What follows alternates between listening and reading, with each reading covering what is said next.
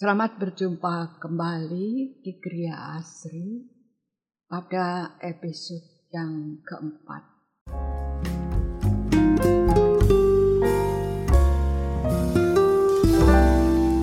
Gria Asri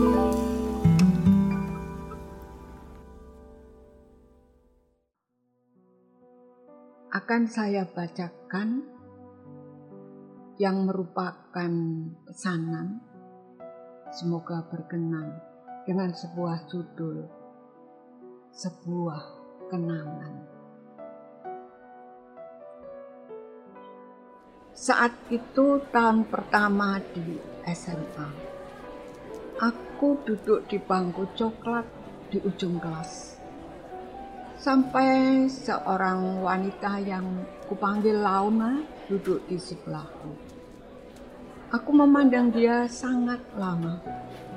Rambutnya panjang seperti hitam kain sutera. Wajahnya manis beranyamkan cahaya. Sungguh, ia merangkai pesona bidadari surga.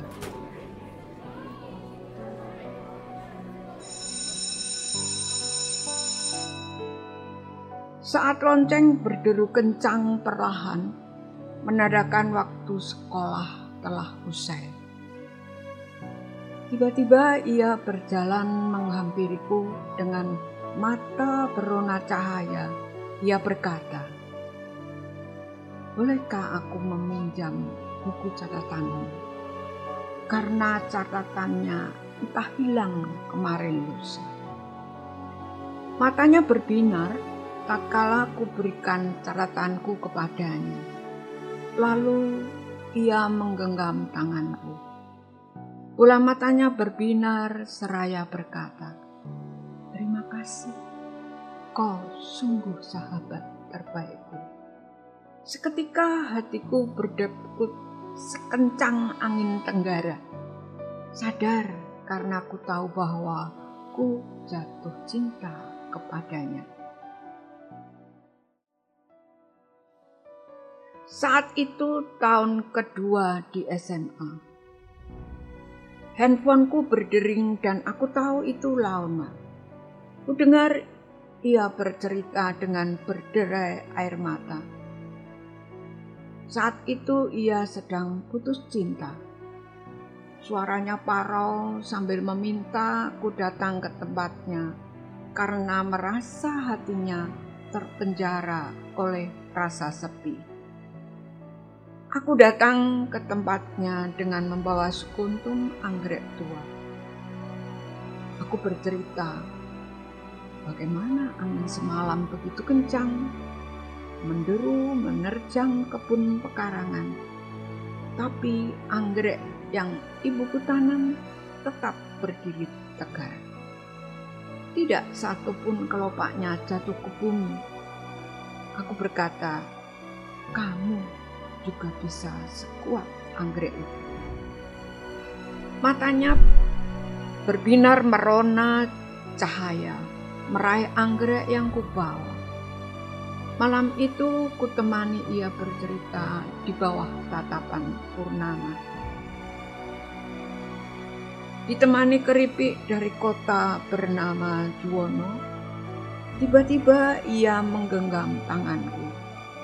Bola matanya berbinar seraya berkata, Terima kasih, kau sungguh sahabat terbaikku.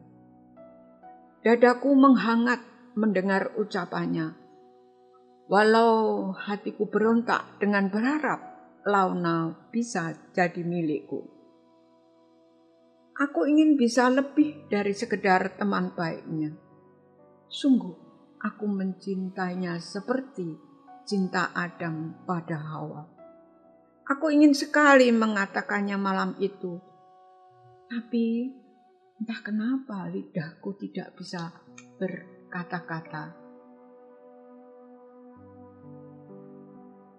Saat itu tahun ketiga di SMA, kulihat Launa datang menghampiriku saat aku sedang termangu di atas bangku. Ia bercerita bahwa sekarang sedang belajar memasak. Lantas diundangnya aku ke rumahnya untuk mencoba masakan-masakan terbaik buatannya. Malam itu, aku datang ke rumahnya dengan disambut lekuk senyum indah dari bibir Launa. Bersama keluarganya, aku dikenalkan sebagai teman dekatnya.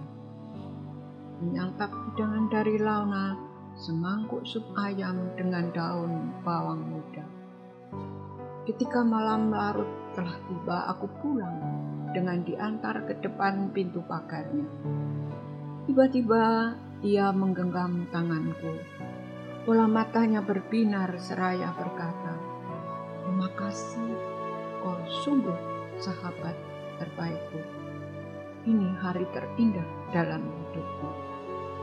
Saat itu juga ingin kurengkuh dirinya, memberitahunya betapa aku mencintainya. Tidak hanya sebagai teman baiknya, tapi rasa malu dan takut mengalahkanku. Cinta itu pun tidak bisa berujar dengan Saat itu saat kelulusan. Tanpa terasa roda waktu telah menggilas diriku. Kini aku berdiri di ruang besar dengan teman-teman masa mudaku. Terlihat Launa dengan berbalut jingga gaun Eropa, aku melihatnya laksana bidadari yang terbang dari surga.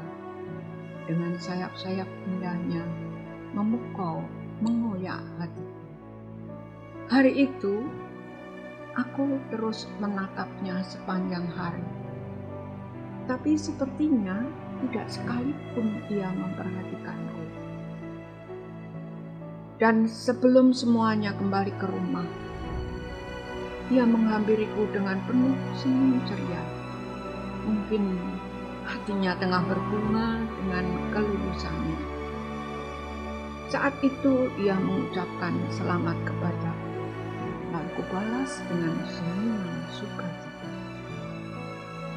Di tengah kegembiraan hati kita berdua, tiba-tiba ia menggenggam tanganku Bola matanya berbinar seraya berkata, Terima kasih, kau sungguh sahabat terbaik. Aku tidak akan melupakan. Saat itu juga ingin kurengkuh dirinya, memberitahunya betapa aku mencintai. Tidak hanya sebagai teman baiknya, lagi-lagi rasa malu dan takut mengalahkanku Cinta itu pun tidak bisa berujar dengan kata.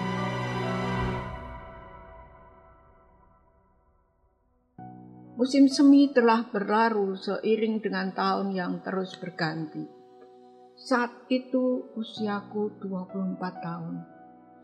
Kini aku duduk di sebuah ruangan yang di setiap sudutnya dihiasi oleh lekuk-lekuk janur kuning dengan bunga-bunga merah yang ada di sekitarnya. Tempat itu adalah tempat Launa akan menikah menuju kehidupan barunya.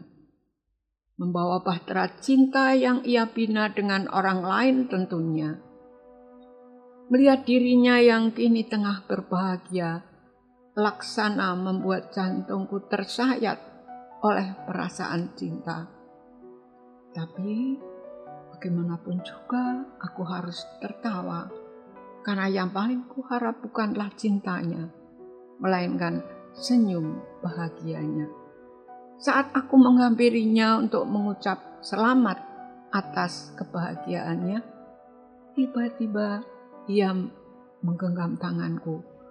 Bola matanya berbinar seraya berkata, Terima kasih, kau sungguh sahabat terbaikku. Semoga kau juga mendapatkan pasangan yang sempurna. Saat itu, walau aku telah kehilangan asa, meski tahu ini akan sia-sia, aku ingin memberitahunya betapa aku mencintainya, tidak hanya sebagai teman baiknya. Sekali lagi rasa malu dan tak mengalahkanku. Cinta itu pun tidak bisa berujar dengan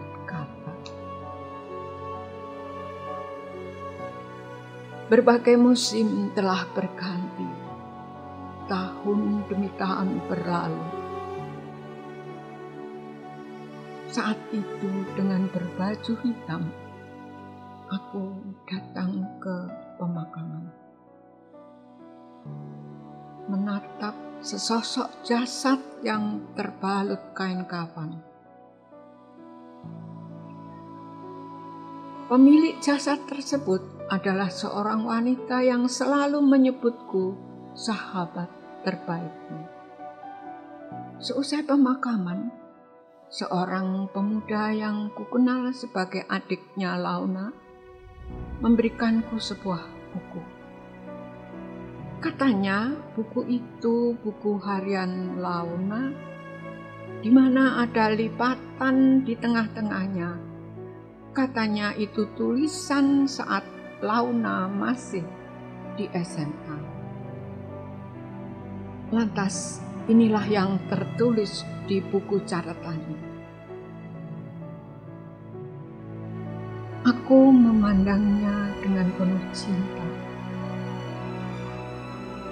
Kebaikan hatinya menjadi malaikat pemanis setiap mimpi indahku.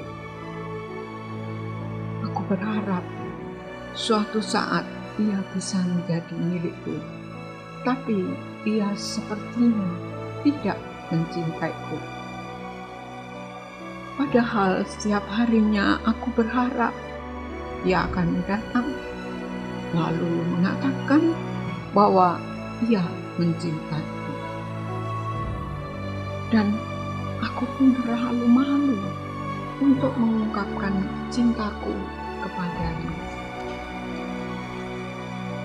Sementara yang bisa kukatakan dan kulakukan menggenggam tangannya menatap matanya sambil berkata, "Terima kasih, kau sungguh sahabat terbaikku. Walau sesungguhnya aku sangat mencintainya, aku berharap aku bisa mengatakannya.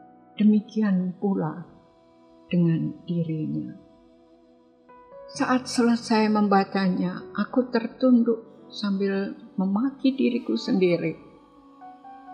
Sepanjang hari itu, aku menangis di atas pusaranya.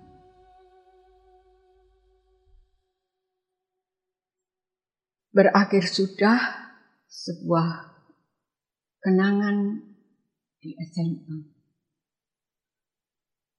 Marilah sesudah kita mendengarkan kisah tadi, kita harus belajar berani mengungkapkan perasaan.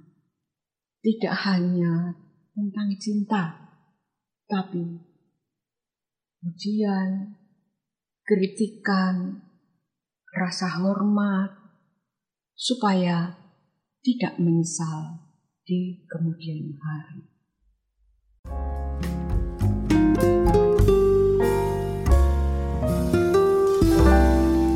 Kriya